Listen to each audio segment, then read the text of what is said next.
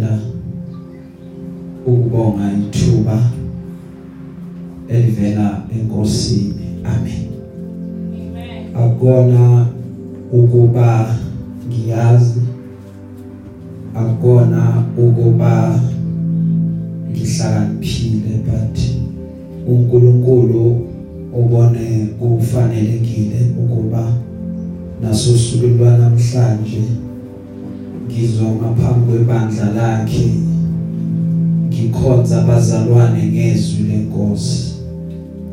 Angithathi kancane lokho but ngibonga ukuhlonishwa amazulu. Haleluya Amen. ngiyathobeka kakhulu bazalwane. Ngibonge ngiphinde ngibingelele nakunina nonke elithe naphumelela osukwini lwanamhlanje amen Amen. ku kuyisibusiso mina ukuba every sunday nibe khona sizohlephulelana isinkwa nokuyizwi lenkosi amen Amen. eh maningi amabandla baningi abafundisi abashumayelayo kepha nibone kukuhle ukuba nizohlanganyela nathi. Siyabonga kakhulu. Amen. um really asikuthathi lokho kancane bazalwane. Amen. Amen. kubazalwane abathi mabethenga idatha ibingenza okunye kepha on a Sunday bayasicabanga. Phakathi kweviki baphinda basicabange either babukele noma balalele injumayelo zethu siyathobeka kakhulu amen Amen. si siyathola ubufakazi kubazalwane bonke ukuba intshumayelo ziyabasiza ziyawenza umehluko empilweni zabo sikhulekela lokho kuba kwanga inkosi yomusa ingaqhubeka yenze haleluya. Ngoba kakade vele akuthini senzayo but inkosi yomusa eyenzayo. Haleluya Amen. thina singabe inkosi inkosi eyenza umsebenzi. Eh thina kahle kahle by right eh uma sibuka we did not qualify but kunegazi elachitheke Calvary lathi we qualify. There was a time la ithi inkosi ungakabibikho ngakubiza ngakubeka umprofeti ungowami ubiziwe but kube nalento kuthina ebalekayo ithi hayi inkosi kungani ungakhethanga umunye kepha isandla sakhe? Sasilanda labe kade sibhajwe khona sasibuyisa. Haleluya. Sathi inkosi iyasidinga. Amen. so si siyathobeka ngendlela eyisimanga ngokuthi amazulu asihloniphe ngokuba amazulu abheke ngakuthina bazalwane. Haleluya. We really appreciate and we we are grateful. Kwanga inkosi yomusa inganibusisa nonke. Amen. Glory be to god. Na namhlanje we have a word from the lord eh esizokwabelana ngalo. You will remember ukuba siqedile ukukhuluma ngamabandla. Haleluya Amen. so yeah. Sazilungisa kancane phela ukuthi yeah be ready for namhlanje amen Amen. emabhayibhelini ethu incwadi yabaseFilipi Philippians chapter 2 we are reading from verse 5 to verse 11 umyalezo wethu wanamhlanje inkosi ubeke enhlizweni yami uthi there's no other name hallelujah Amen. There's no other name. Eh alikho elinye yebazalwane igama. Kahle kahle asinalo elinye. Uzozwa ukuba maningi wona akhona kepha thina elinye eh asinalo. Haleluya ngicela mhlambe bazalwane iphethe ngesizulu khona. Bese asifundela the book of Philippians chapter 2 verses uh ncwadi abasefilipi isahluko sesibili amavesi verse lesihlanu ukuya evesini leshumi nanye ngokusizwa inkosi ungasifundela ke kwabasefilipi chapter 2 verse Yes. 5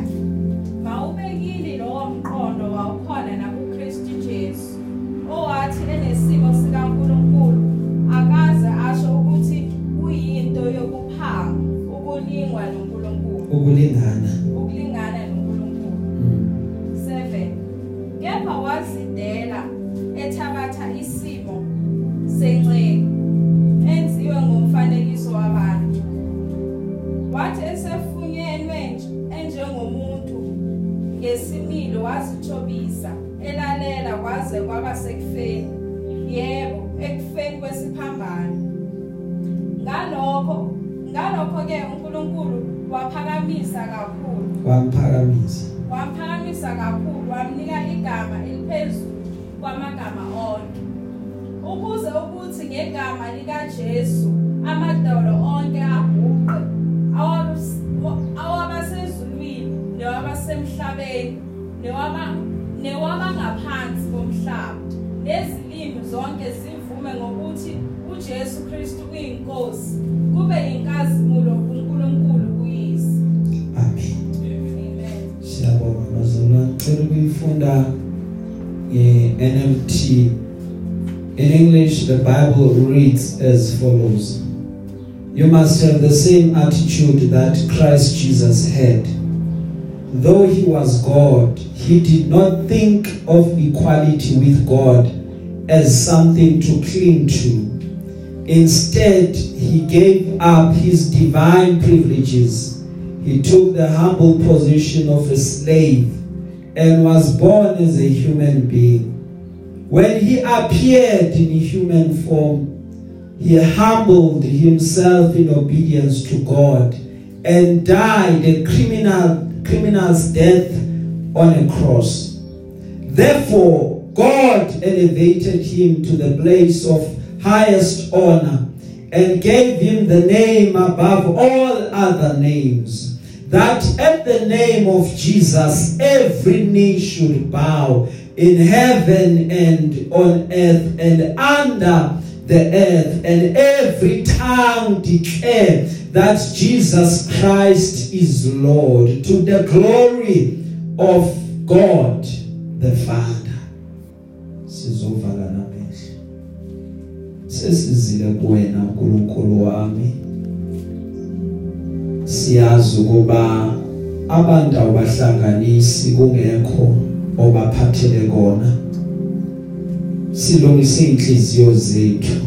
Ukuba zivuleke uthezulu lakho uma engasemnyango uyanqonqotha uma umuntu ezwa izwi lakho avula umnyango uzakungena uhlale naye udle naye naye maqeda adle nawe. Nathi ke Nkosi sivule iminyango siyalizwa izwi lakho. Khuluma ngalo usuthise uphinde ubusise umphefumulo wethu.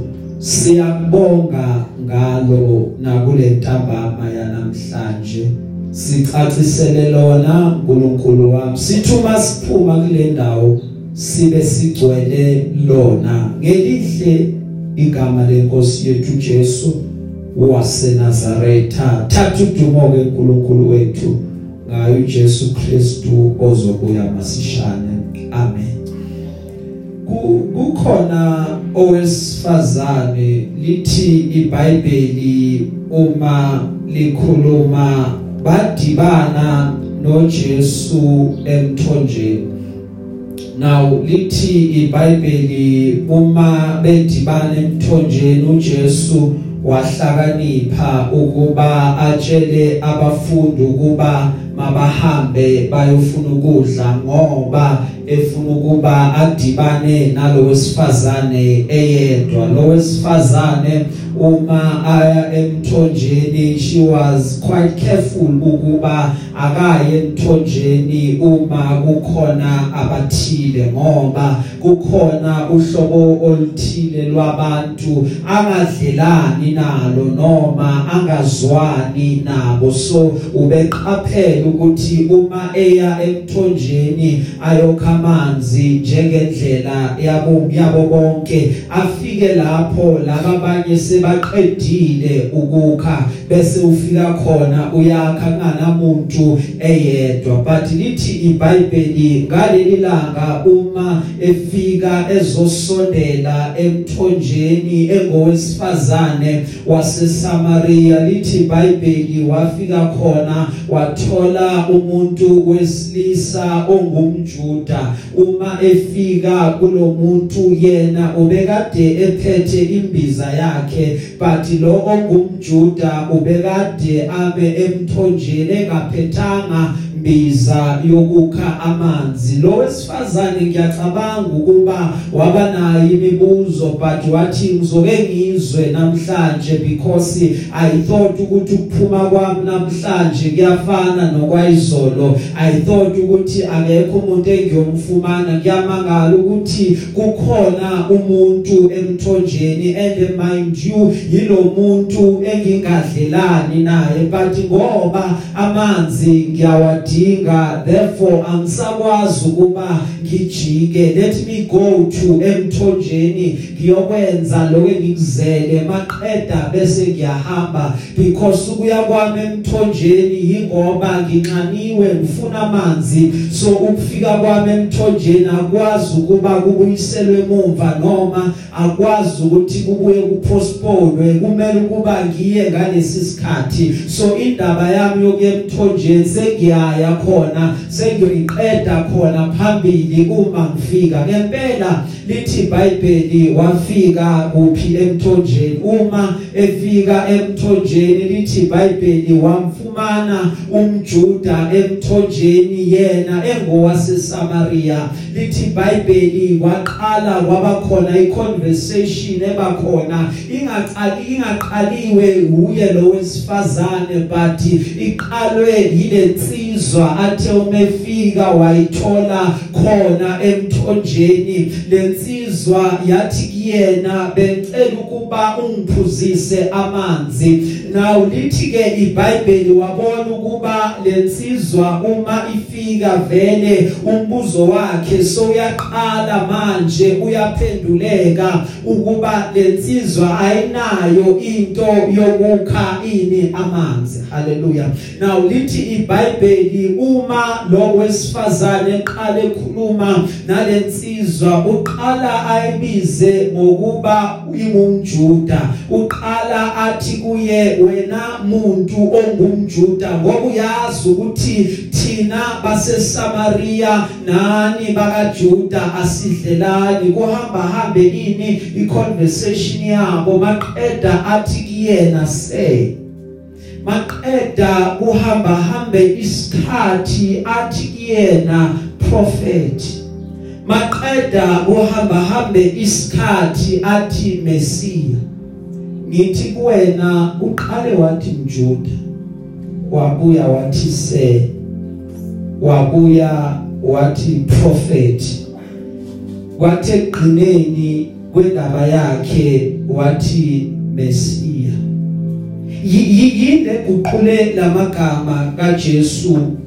I-conversation as they kept on speaking as baqhubeka bekhuluma because kunezinto ebese ihamba kuyena zikhanyiseleka ibonakala kuyena ukuthi lo muntu mkhulu kunalento ombize ngayo last time. Maqeda wakhuphula igama lokumbiza wambiza ngokungaphezulu kunaloku ambize ngako that is why noma sekaya emzini eyobatshela uthi izani zobona ongitshele konke ingebe uKristu na ingebe uye yini umsindi umsindisi lo bekade simlindile. All along ngoba egameni lomuntu kula sithola khona ini iidentity ukuthi lo muntu lo kahle kahle ungubani? Lo muntu lona uma abantu behleli bagcwele erumini elithile kunegama ongalibiza bese umuntu athi enter into attention. Ngani? Ngoba usubiza igama lakhe lingafani namagama abanye. Kunento engenzeka futhi. Ubiza igama lomunye umuntu bese loyo muntu angangeni ku attention. Ngani? Ngoba awubizange lakhe igama.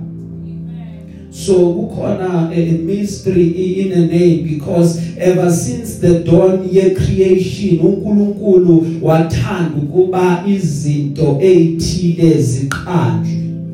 Hallelujah. There is nothing emhlabeni uma ungathi uyabukusisa kahle engenalo igama into nento indala yintsha into nento inani.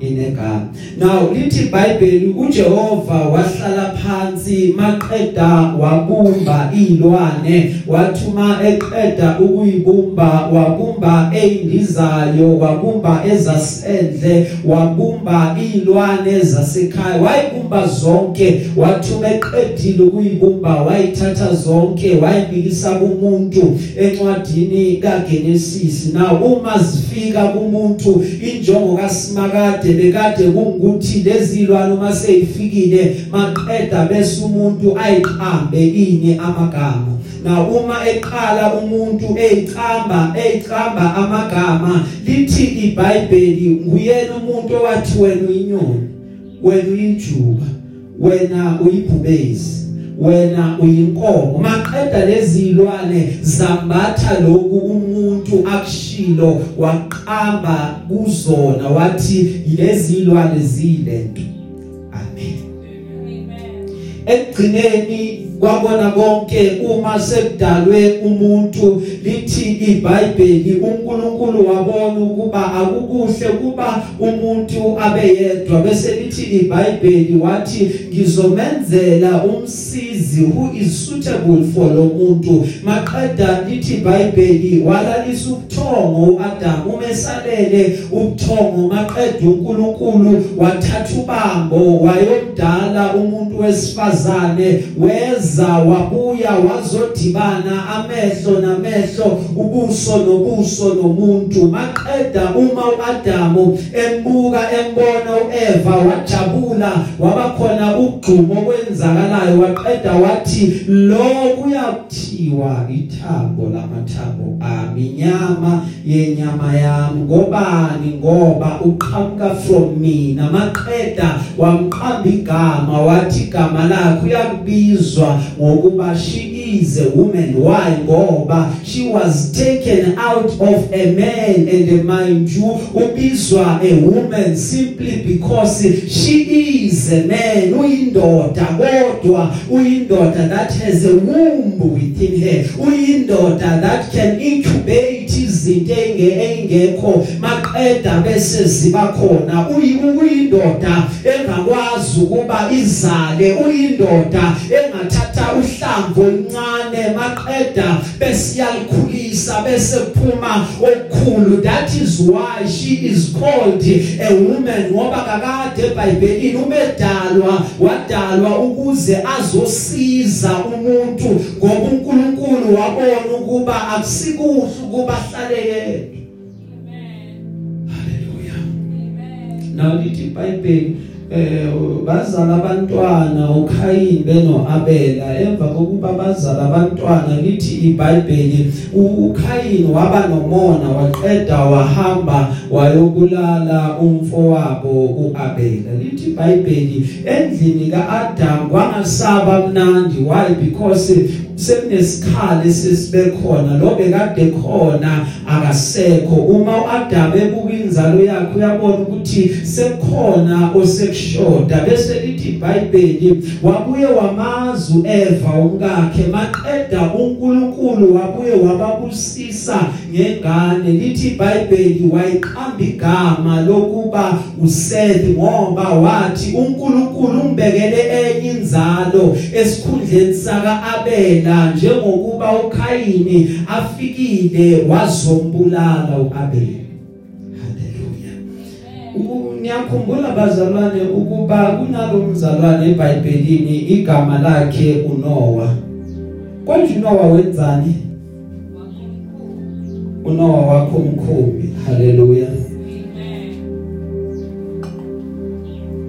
lithi ke iBhayibheli uNoah ubekade enamadodana amathathu uShem uJafet noHam haleluya Now lithi ke iBhayibheli ngelinye ilanga waphuza uNoah wadakwa wathi mesedakiwe uNoah wayolala wakhohlwa ukuthi akagqokile. Bese lithi iBhayibheli kwafika uHam kuyena wabona lokakubonile waphuma egijima waya kubafowabo eyobatshela ukuthi zani izobona sengibona ihlazo lakababo sizalayo but lithi iBhayibheli lamadodana amabili uShembe noJafeti beza but bengazile ukuzobuka inihlazo but beza baphethe ingubo ukuthi bazokhavara ihlazo lakababa obazalayo. Lithi iBhayibheli bebahamba babheke emuva kodwa beya kuphi? Beya phambili. Yethi bahamba nje baphethe lengubo so that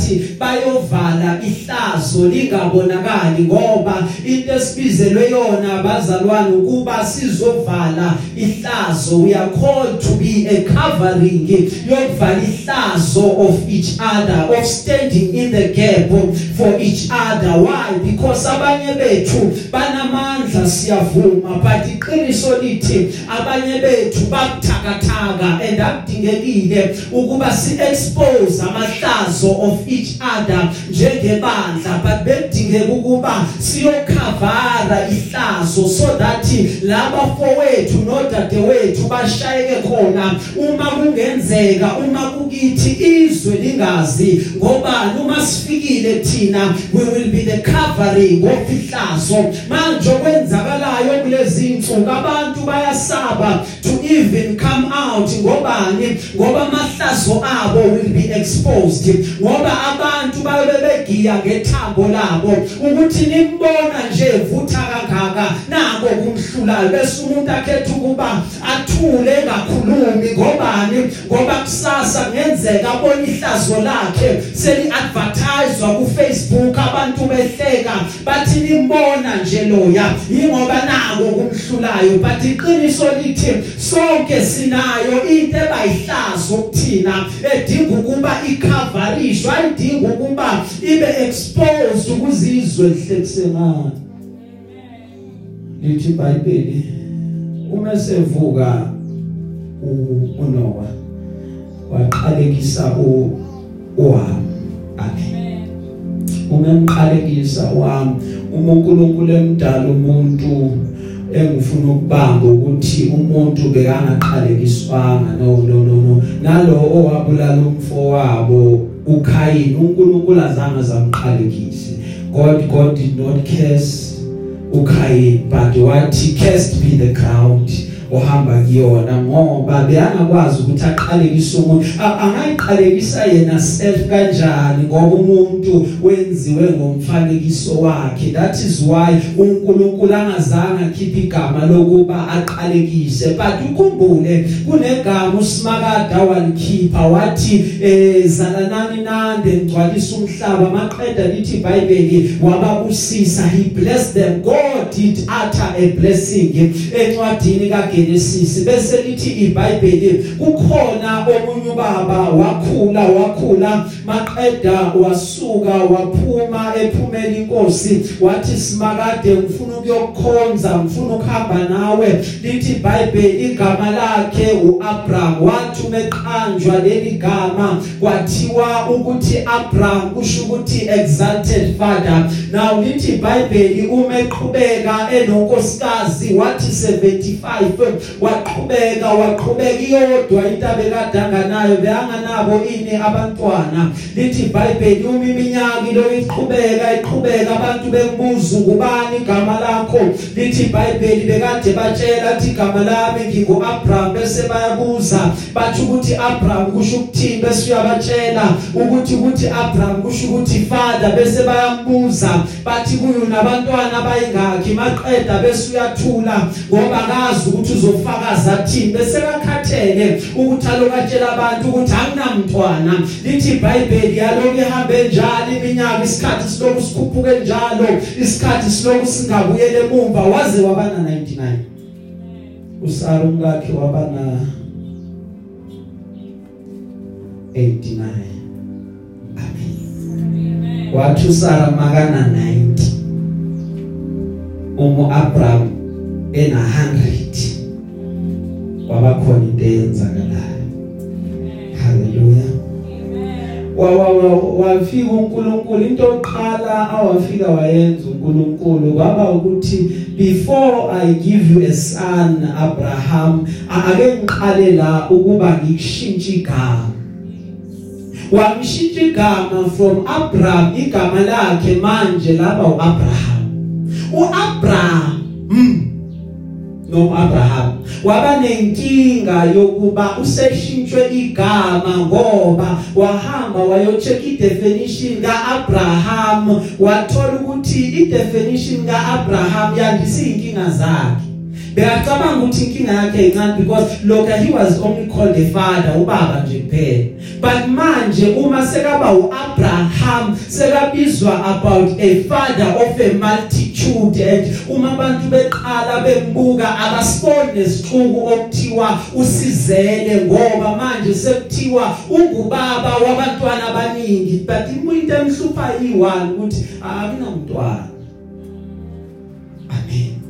igama likhona but lokabizwa ngako akukho. He, he can't connect it. Maqeda wasuka uAbraham wayobuza kuNkulunkulu kuba Nkosi why why kwenza lokhu? Because uh, anginamntwana and sengidlulile ngokweminyaka number 2 no no no Sara kasanako lokwabesifazane okwazi ukuba kwenza izinto maqeda bese ziyenzeka. Maqeda uNkulunkulu wathi kuyena phumela ngaphandle Abraham ngifuna wenza into eyodwa ngifuna uphakamisela amehlo wakho ubuke phezulu. Wathi Abraham ubonani? Wathi Nkosi ngibona izinkanyezi wathi usimakade sibale Abraham wathi Nkosi angikwazi ukuyibala. Wathi kungani ungakwazi ukuyibala? Wathi ngoba yiningi kakhulu. Wathi yoba njalo inzalo yakho.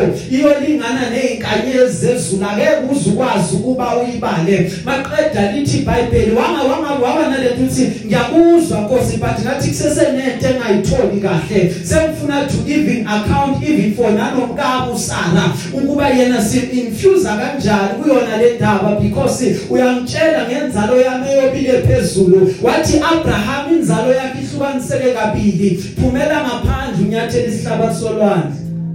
Maqeda lithi iBhayibheli wasinyathela lo sihlabathi solwandle uma ehamba esihlabathini solwandle. Wathi kanjalo Abraham thatha lesanti maqeda bese uyayibala. Lithi iBhayibheli wathi angeke ngikwazi inkosi ukuba ngiyibale ngoba isanti iningi kakhulu. Wathi kunjalo ke Abraham injalo inzalo yakho le twofold because when you live inzalo physically uphinde ube nenzalo futhi espiritually. Inzalo yakhe iyolingana nesihlabathi solwandle ayizukwa akwazi ukubibaleke. Maqeda wathi Abraham kunikezele igama laka Ham why ngoba ngiede uHam kuwena ngoba kwaqalekiswa indalo yami befanele ukuba ingaqalekiswa. So sengithatha lokho oqalekisiwe from inzalo kaHam ngoba lamazwi bewane potential to even cripple a generation or even generations to come. Ngithatha lo Ham ngiyo infuse egameni lakho ngimfaka uyahlangana noAbraham aqeda bese kuphuma ubani uAbraham bese ngiyabuya. Ngithi kuwena lenzalo yayiqalekisiwe kaHam seliyobusiswa ngobani Abraham? Ngoba ngawe inzalo yonke izizwe zonke zomhlaba ziyobe zibusisiwe ngesimanga sakho. Amen. Bengizothi asinale linye haleluya Amen. likhona bazalwane. Eh uma sifunda iBhayibheli lisitshela ukuthi kunabantu abahamba noNkulunkulu right Amen.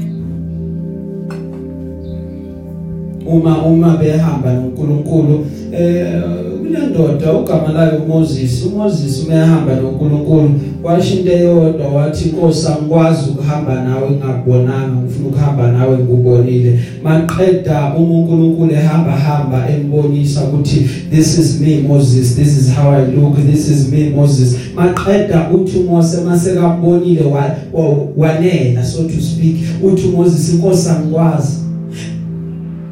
Laba bazalwane bahamba naye uma behamba naye endleleni baqeda bamqhamba amagama ngaloku abambona abenzela kona. Lithi iBhayibheli uma Abraham eseyifumene indodana yakhe wathola umbiko obekade uquite disturbing so to speak uvele enkosini owathi thatha ingane yakho Isaac uyonikela naye entabeni. Lithi iBhayibheli wasuka ekhaya engambikelanga uSara ukuthi uyothatha indodana indodana yokwenza umhlatshelo wahamba naye uma ehamba naye wathi encebini yakhe hlalani la sizobuya nomfana. Lithi iBhayibheli baqhubeka. Umfana phethe inkuni umfana phethe umlilo. Wabuza umbuzo umfana wathi baba iphi bezohlatshwa? Wathi uAbraham umeyiphendulela uNkulunkulu will provide imbezohlatshwa akashongo kumfana ukuba wena uyimbe ezohlatshwa lithi iBhayibheli uma sebafika entabeni wathi uNkulunkulu uzungambulala umfana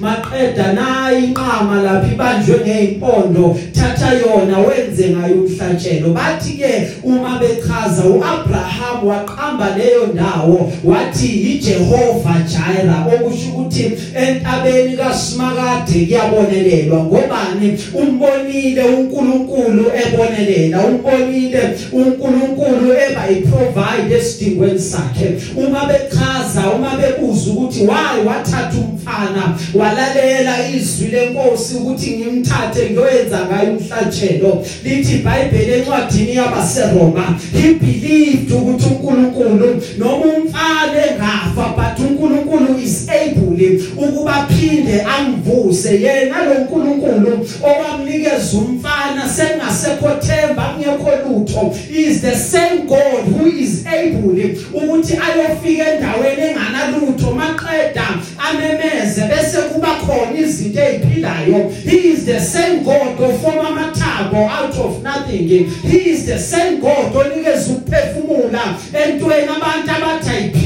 ayiphili so he believed ukuthi uNkulunkulu will be able ukuthi aphinde amraise. That is why wathi ubekhuluma nengceku hlalani la sizobuya nomfana. Umenyuka entabeni wanyuka nendodana eyodwa. Uma sebuya entabeni wabuya namadodana ayinkulungwane.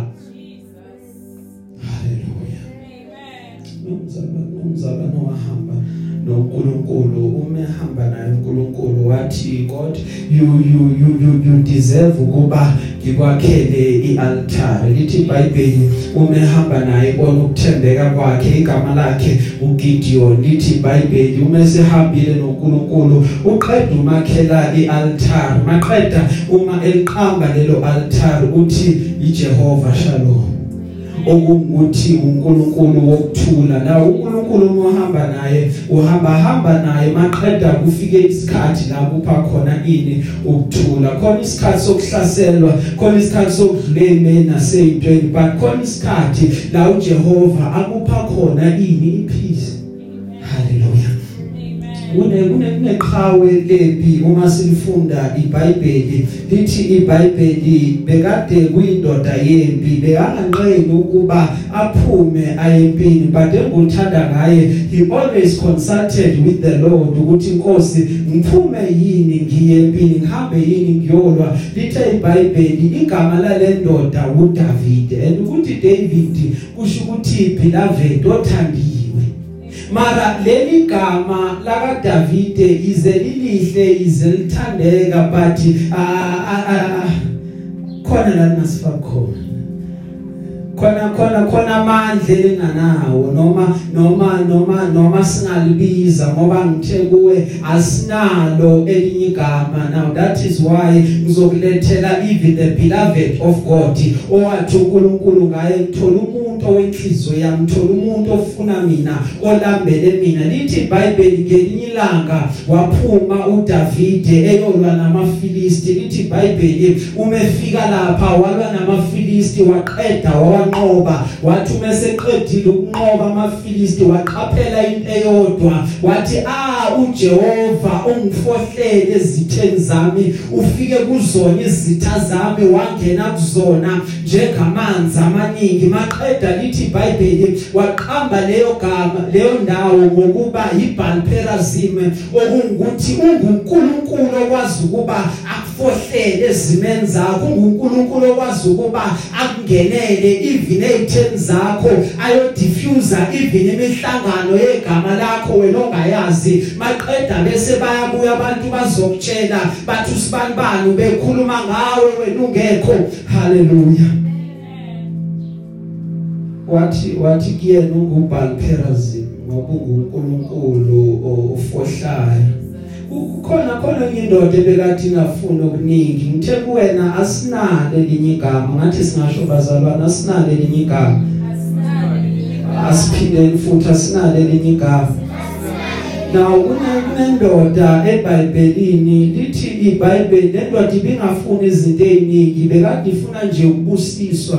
Ingafuna okuningi yazi yahamba utshontsha isibusiso somfowabo. Lithi iBhayibheli yaloku iqhubeke njalo iqhubeke njalo. Kwathi ngelinye ilanga isingaphandle yabona ukuthi khona umuntu ozayo wathi umefika lo muntu lithi iBhayibheli lesilungu they wrestled all night yabambana nale ndoda. Bese lithi iBhayibheli yakhuluma le ndoda indoda yathi kuyena ngiyeke sekuyasa. Sizwa uJakob athangwazi ukuyeka ungakangibusisi ngiyakuyeka nje uma sungibusisile bese lithi iBhayibheli le ndoda yamnyathela onyongeni but still uJakob held on wabambelela kule ndoda. Lithi iBhayibheli uma ebambelele yathi le ndoda ngiyeke Jakob ekuyasa wathi angikiyeke ungakangibusisi maqeda lithi iBhayibheli wambuza umbuzo wathi ungubani igama lakho? Wakhuluma uJakobe wathi nginguJakobe ngoba ukuthi Jakobe kusho ukuthi umkhohlisi. Maqeda lithi iBhayibheli wakhuluma le ndoda kuye yathi from today awusasiye Jakobe wena.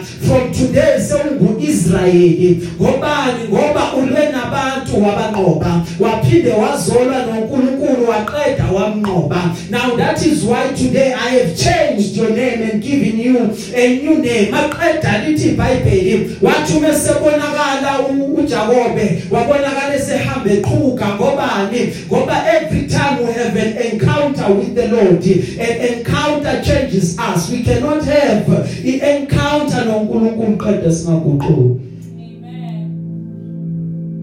Khona umfana lapha eBhayibhelini lithi iBhayibheli wakhulu umfana. Umfana ekhula watholakala phi lo mfana? Lo mfana watholakala emanzini. Kwenzakalani ukuze umfana atholakala emanzini? Kwaphuma isimemezelo sokuba bonke abantwana abazaliwe bamaHebhera babulawe but bathi uma beqala bebeka amehlo phezulu kwalomfana babone emuhle ebovu ethandeka babuka amehlo akhe bathi asikwazi ukumbulala. Maqeda lithi iBhayibheli bamfihla wahamba amalanga zahamba izinyanga bathi kwasho ukuthi isimo sesitense ngoba bakwazi kuphela ukuba bamfihle for 3 months. Maqeda lithi iBhayibheli olifundayo uma umama wakhe sebona ukuba akakwazi ukuba aqhubeka amfihle wayomthungela ubaskidi lithi iBhayibheli wafaka ibitume nenkotayi wantha wathatha ubaskidi wayofaka emlanjeni. Umemfaka emlanjeni. Lo mlambo unama crocodile but wathi ndodana yami i love you too much to see you suffer. I love you too much ukuba ngubone ufa ngenkemba. Ngiyakholwa ngiyathemba wenza umkhuleko. Wathi ngalo basket akayi ukudliwa ama crocodile ngalo basket akayi ukudliwa inyawo zase inya ilwane zasendle bese lithi iBhayibheli wayofloata emlanjeni eloke eqhubeka lapha ku river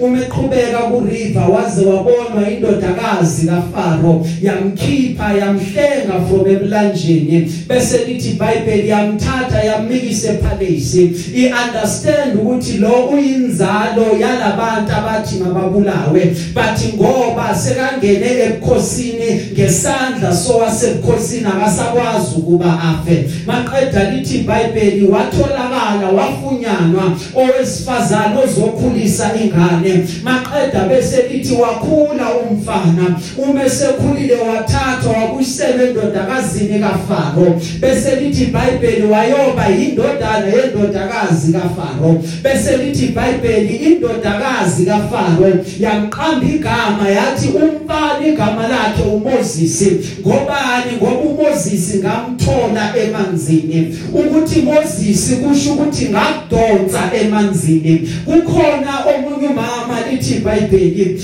ngenxa yenhlungu yakhe ngenxa yosizi lwakhe waqamba igama. Wathi umembona umntanakhe wathi nginosizi kakhulu. Maqeda wamqamba igama umntanakhe wathi igama lakho kuyakuba uJabezi. Elithi iBhayibheli wathi umele uJabeze yokuza mama igama lami lisho ukuthini? Wathi ngiqambele ligama ngobani ngoba ngibona inhlungu nosizi lwami. Bese lithi iBhayibheli uJabezi wathi I don't subscribe to that name. I don't subscribe to my mother's pain maqeda bese lithi iBhayibheli wahamba wayothandaza uJabezi. Waya uNkulunkulu wambiza wakaIsrayeli wathi sengathi ungangibusisa nokungibusisa wandisa umkhawulo wami isandla sakho sihlale phezulu kwami. Wathi uJabezi maqeda ungivikele nasebubini. Maqeda lithi iBhayibheli uNkulunkulu wamupha njengangokuba ecelile. Bese lithi iBhayibheli khona omunye wesifazane ogama lakhe linguNaomi. Lithi iBhayibheli wasuka ezweni lakhe wahamba lithi iBhayibheli uma sebuya bambiza bathi akusuye yilo uNaomi maqeda bese lithi iBhayibheli wathi ngambizi ngoNaomi bizeni ngomara ngoba inkosi ngiphathe ngomunyo omkhulu. Ngaphuma ngigcwele. Semphuma sembuya ngiempty. Ngihambe kunezinto sembuya ngena lutho asinale elinye igama. Emhleni kaHerode inkosi wathi uHerode ebusa kwaba khona umpriest okhona okhonza useva ethempelini. Lithi iBhayibheli lo priest ubethandaza every day kepha banenkinga eyodwa yena nomkakhe ukuthi ingane abanayo. Lithi iBhayibheli ngelinye ilanga wathi eqhubeke khonza kwafika ingelosi kuyena. Yathi ungathuki Zakaria ngoba isicelo sakho sizwakele enkosini ungathuki Zakaria ngoba ukukhala kwakho uJehova ukuzwile umkakho uzokhulelwa uElizabeth maqeda azala ingane lithi iBhayibheli uZakaria kazange akholwe ukuthi lokhu kuzokwenzeka. Lithi iBhayibheli igama elithi Zakaria lisho ukuthi uNkulunkulu yakhumbula ngoba bese kuyisikhathi sokukhunjulwa kwabo. But uZakaria was not in a position ukuthi amkele ukukhunjulwa kwakhe usimakade. Athohlabelelayo lo nyaka wethu wokukhunjulwa yini amazulu? But uZakaria did not believe ukuthi sekuyisikhathi sokuba ngikhunjulwe amazulu sekuyisikhathi sokuba ngibusiswe. Maqeda sizwe ingelosi ethi kuyena ngoba zange ukholwa uzothula ube yisimumu until lokuze kwenzeke. Why why why why why akhetha ukuthathula beyisimumu ingoba kunento ekhona ezwini uma ungathi uyaqaphelisisa kahle.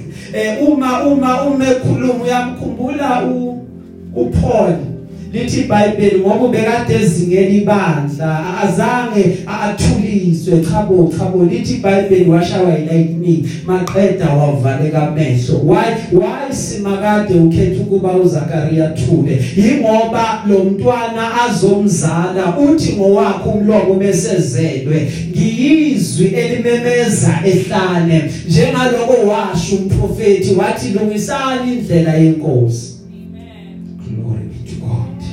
Gama lomntwana ozalwayo kuba uJohana benzothi asinale linye abazalwane.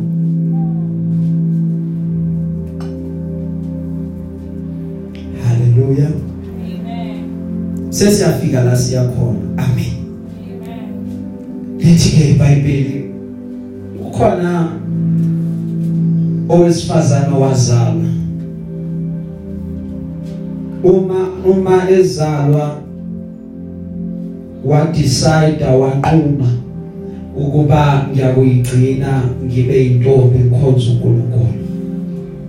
Uma esayigcinile igama lakhe bathi uMaria uMaria leli gama lithathwa from igama lakudala lesiHebheru laka Miriam uMiriam bekade kungudade wabo Moses. Now lelo gama linama meaning noma ama connotations amabili. Eyokuqala isho ubeloved othandiwe. Eyesibili lisho ibitterness. Uyakhumbula ngenkathi uIsrael ephuma ezweni lokugqila lithi iBhayibheli bahamba bafika kwenye indawo. Uma befika kule ndawo amanzi akhona bekade angaphuzeki ngoba the, the water was bitter. Bese kulithi iBhayibheli lawo manzi kwathiwa manzi wasemara. Why? Because uMaria umele ibitterness. At the same time uMaria that bitterness it's also applicable to impilo yakhe ngenkathi aseseyisigqila enkathi aseGibhithe. Amen. uMiriam haleluya ngathi ngathi singathi siyabonga Maria kepha igama lakho nalo khona la lingasimekisi khona. Manje Maria asifuni ukuphazama wasenzela into enkulu. Uyakhumbula yathi ngelosuku ifika kuyena yathi ewe nofumene umusa esifazaneni. Wamangala Maria ukuthi ukubingelela kunjani lokho? Mesetshela ukuthi uzokhulela uzale ingane maqeda bese uyiqamba igama. Lithi ke iBhayibheli uMaria ngiyena lo wazalela ini umsindisi. Kuyena lo owazalela leli gama esikhuluma ngalo leli gama esikwazi ukuba siyongena ngalo eindaweni zonke. Leli gama elenza ukuba singavinjwa eindaweni lafanele kuba sibe khona. Siyabonga Maria wasebenza mara khwesha Maria suka Maria suka Maria ngoba thina asizanga kwelapho igama. Siyabonga wenza umsebenzi omuhle omkhulu siyabonga. Naye uMaria ubuye athi inkosi yami nathi we join in no Maria sithi inkosi yethu ngoba igama laka Maria alinawo amandla.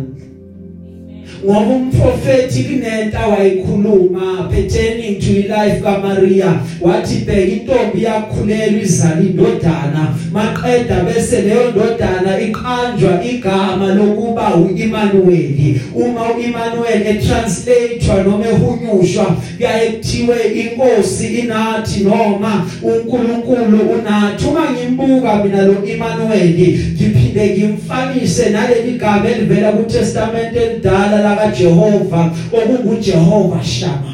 Ukuthi Jehova Shama kusho ukuthi uJehova ukhona kuleyo ndawo. It means God is there.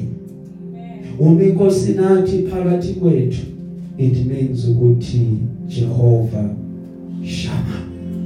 Haleluya Now uma sithatha i-dictionary sibuka sibuka siyokhangela sifike sibheke igama laka Jesu leli gama elinikeziwe ebantwini ukuba abantu basinde ngalo. Uma siyophenya kuma dictionary leli gama uma li translatewa kahle kahle kuvela igama laka Joshua kunokuba kuvela igama laka Jesu now kusho ukuthini ukuthi Joshua angithi uyamkhumbula uJoshua ukuthi wenzani? Kancane nje one second uJoshua ngiyena lo owathatha isizwe sakaNkuluNkulu from esandleni sakaMoses uMose sekulewe wasithatha wayosifaka kuphi? Ezweni lesethembiso. Now the question comes ukuba what does Joshua mean? It means ukuthi uNkulunkulu uyinsindiso yethu. God is salvation. uNkulunkulu uyasisindisa. Haleluya Amen. amen igama laka Jesu kuyavela ukuba ungumesiya. Angithi ukuthi mesiya kusho ukuthi msindisi. Manje kukhona abanye lababhajwa khona.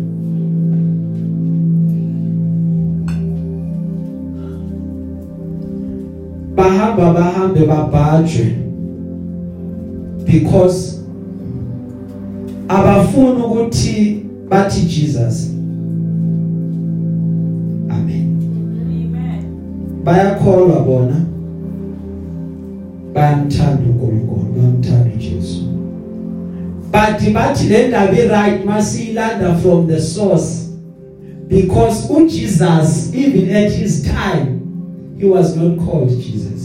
Amen Amen. amen bazalwane Amen. He is Jesus the Messiah. So ubengubani igama lakhe the original one. The original name or word laka Jesu bekade kungu Yeshua HaMashiach. So mawuthe Yeshua HaMashiach uqedile nje wathi Jesus the Messiah. Hallelujah. Now leli gama it's a Latin transliteration elathatha igama lesiGreek u Iesus sisonke bazalwane Amen. maqeda bathatha u Iesus with an S not with a Z bamguqula bamenza u Iesus right amen ku Iesus kula sithola khona igama les English elithi Jesus. Because it has a close resemblance to that Greek word uIesus because when you remove that i useqaleni ufaka uj kuba uJesus full stop. Amen. Now angifuni ke ukungasho kumele ukuba ngisho ukuba uNkulunkulu uyaqhubeka uyasizwa imikhuleko yethu masikhuleka noma ngabe simbiza ngaliphi igama whether simbiza ngokuthi unguyeshua whether simbiza ngokuthi unguJesus whether simbiza ngokuthi unguJesu noma simbiza ngokuba unguYesu. But the point of the matter is uyaqhubeka uyasizwa ngobani? Ngoba umuntu nomuntu uexposeke ngendlela ehlukile.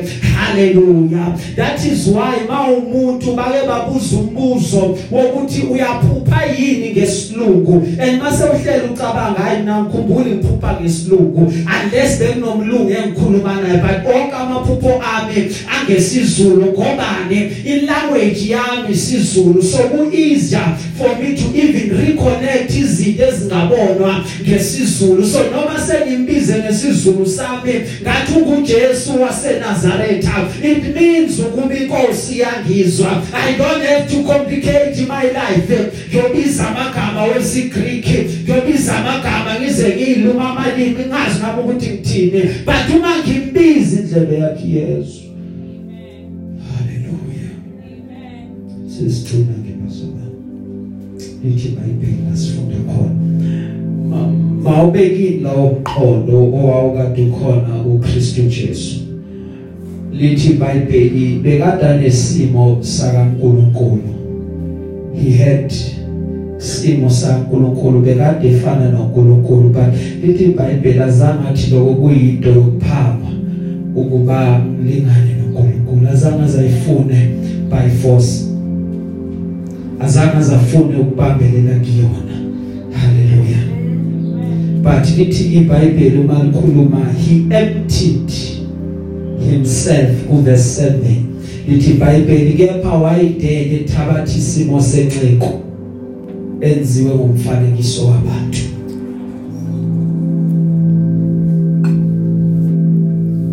He had privileges. Atohlabelelayo bengabe izingelo he could have called 10000 angels. Come uzongisiza.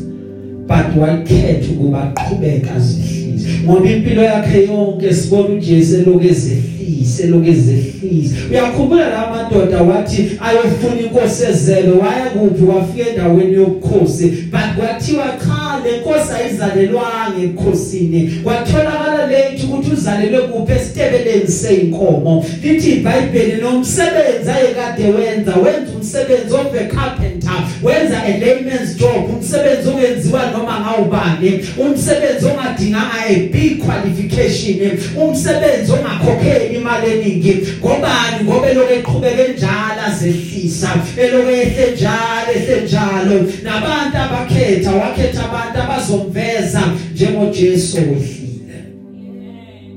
lithi iBhayibheli wayidele thabathi isimo senxeko enziwe ngomfanekiso wabantu. Wathefunyelwe njengomuntu ngesimilo wayithobisa elalela kwaze kwaba sekufeni. Yebo ekufeni kwesiphambano. Uma eqhubeka ezehlisa ukufa kwakhe kwamathiwa uyohlatshwa ngenkemba. But walobe eqhubeke lalela athi Isaya ubefana nemvu phambi kwabagundi bayo. Bathi uma bemshaya bewulima umhlane wakhe wangaphendula. Wathula wathula simuzwa simuzwa esiphambanweni nathi baba bathethelele ngoba bakwazi abakwenza. Azange zabaqalekise but wabafela bonke. Lithi iBhayibheli ukukhetha kwakhe ukuyofa esiphambanweni ukukhetha kwakhe ukuyolenga emthini. It was a sign because lithi iBhayibheli indlela afa ngayo he died a criminal's death on a cross.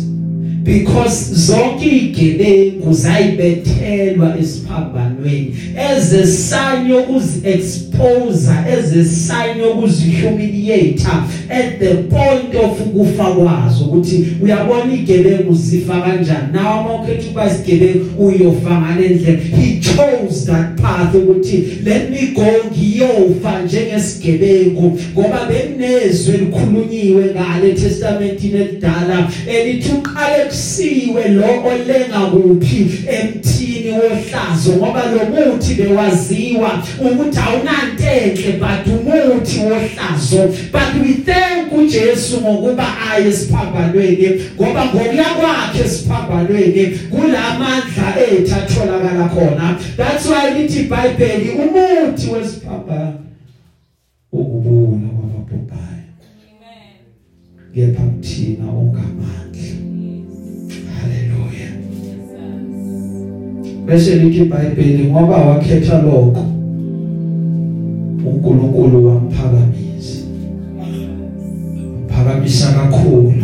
Eh uma uma bebeka isiphambanweni bebathi bayamehlisa and mind you if you look at the portrayal of the cross esakhe siphakathi and esakhe usually mabe siportray siba sikhulu kunalezi ezimbili. Ukuba lo uyinkosi and manje bathi uma bembeka kule ntaba bambeka kuyona benza inkinga ngoba intabo intaba yamakhanda. So intaba ebuye ivelele ibonakala ukuthi laba abalenga la abafani nabanye. Amen.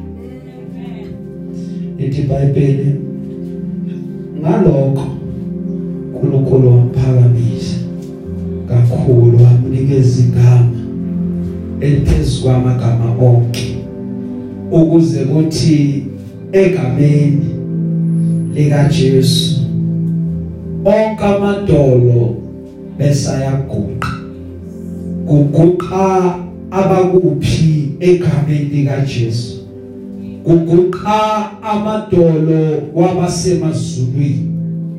Kuguqa amadolo wabasemhlabeni. Kuphinde kuguqe amadolo wabangaphansi komhlaba. Wonke lamadolo egameni lika Jesu ayaguqa. That is why nathi sime ngaleli gama asinale elinye bazalwane abanye bangathembela kwamanye amagama. Abanye bangaba nehope kwezinye indawo. Hayi thina thina sinale linye ngoba izwi lifakazela ukuthi onke amadola ayaguqa. Bese kungagcini lapho bese lithi iBhayibheli ilimi zonke maqeda bese ziyavuma ukuthi uJesu Kristu uyinkosi. So that inkazimulo iye kuNkulunkulu uyise. Zonke ilimi ziyavuma. Zonke ilimi ziyasho ukuthi uJesu Kristu uyinkosi. Thina sinale linye igama. Sesiyaqeda sinale linye igama esingaya kulona. Asinale linye ithembe singabalekela kulona. Ngoba abanye bathembele eqoleni abanye bathembele emahashini. Yabathina sithembele egameni lika Jesu waseNazaretha elithi iBhayibheli obalekela kulona. Sisinda ngoba sinale linye igama.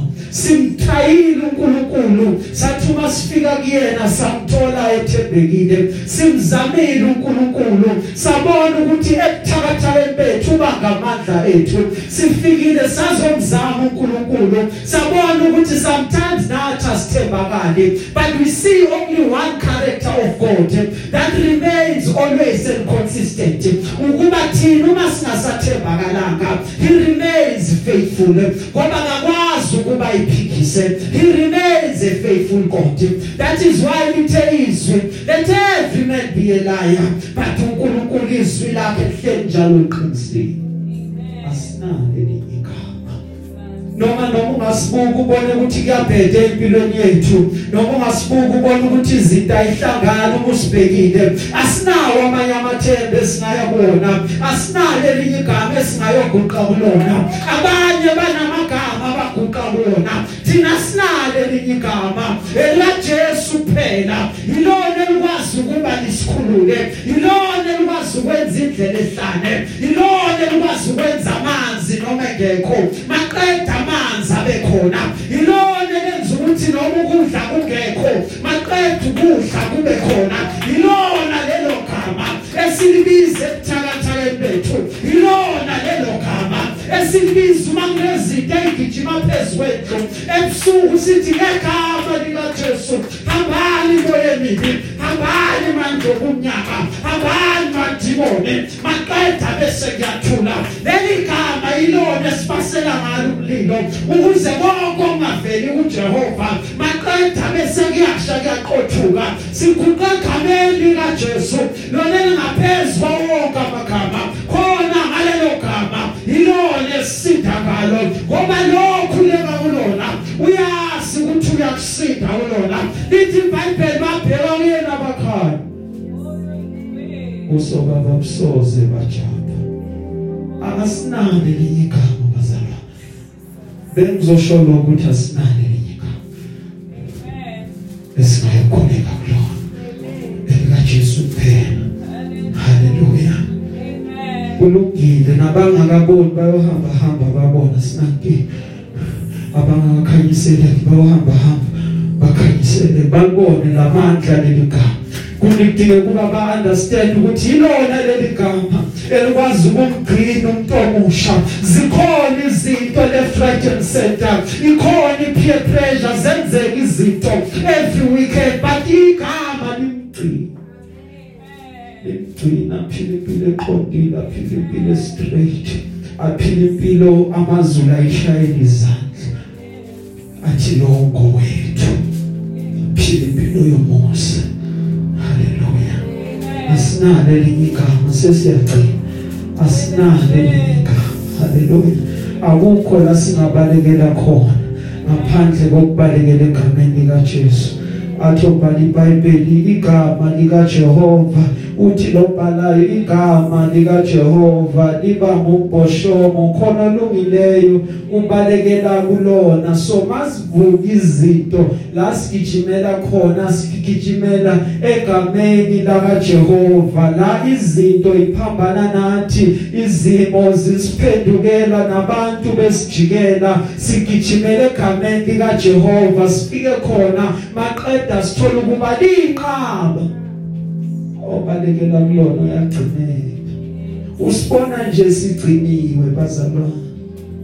Ziyafuna ukuvuka izinto ziyafuna ukuphakama but sigcinwe egameni. Haleluya. Bengizothi asinale elinye igama esingasinda ngalo ngaphandle kwalo. Singasukuma sivale namehlo ngifuna ukukhuleka.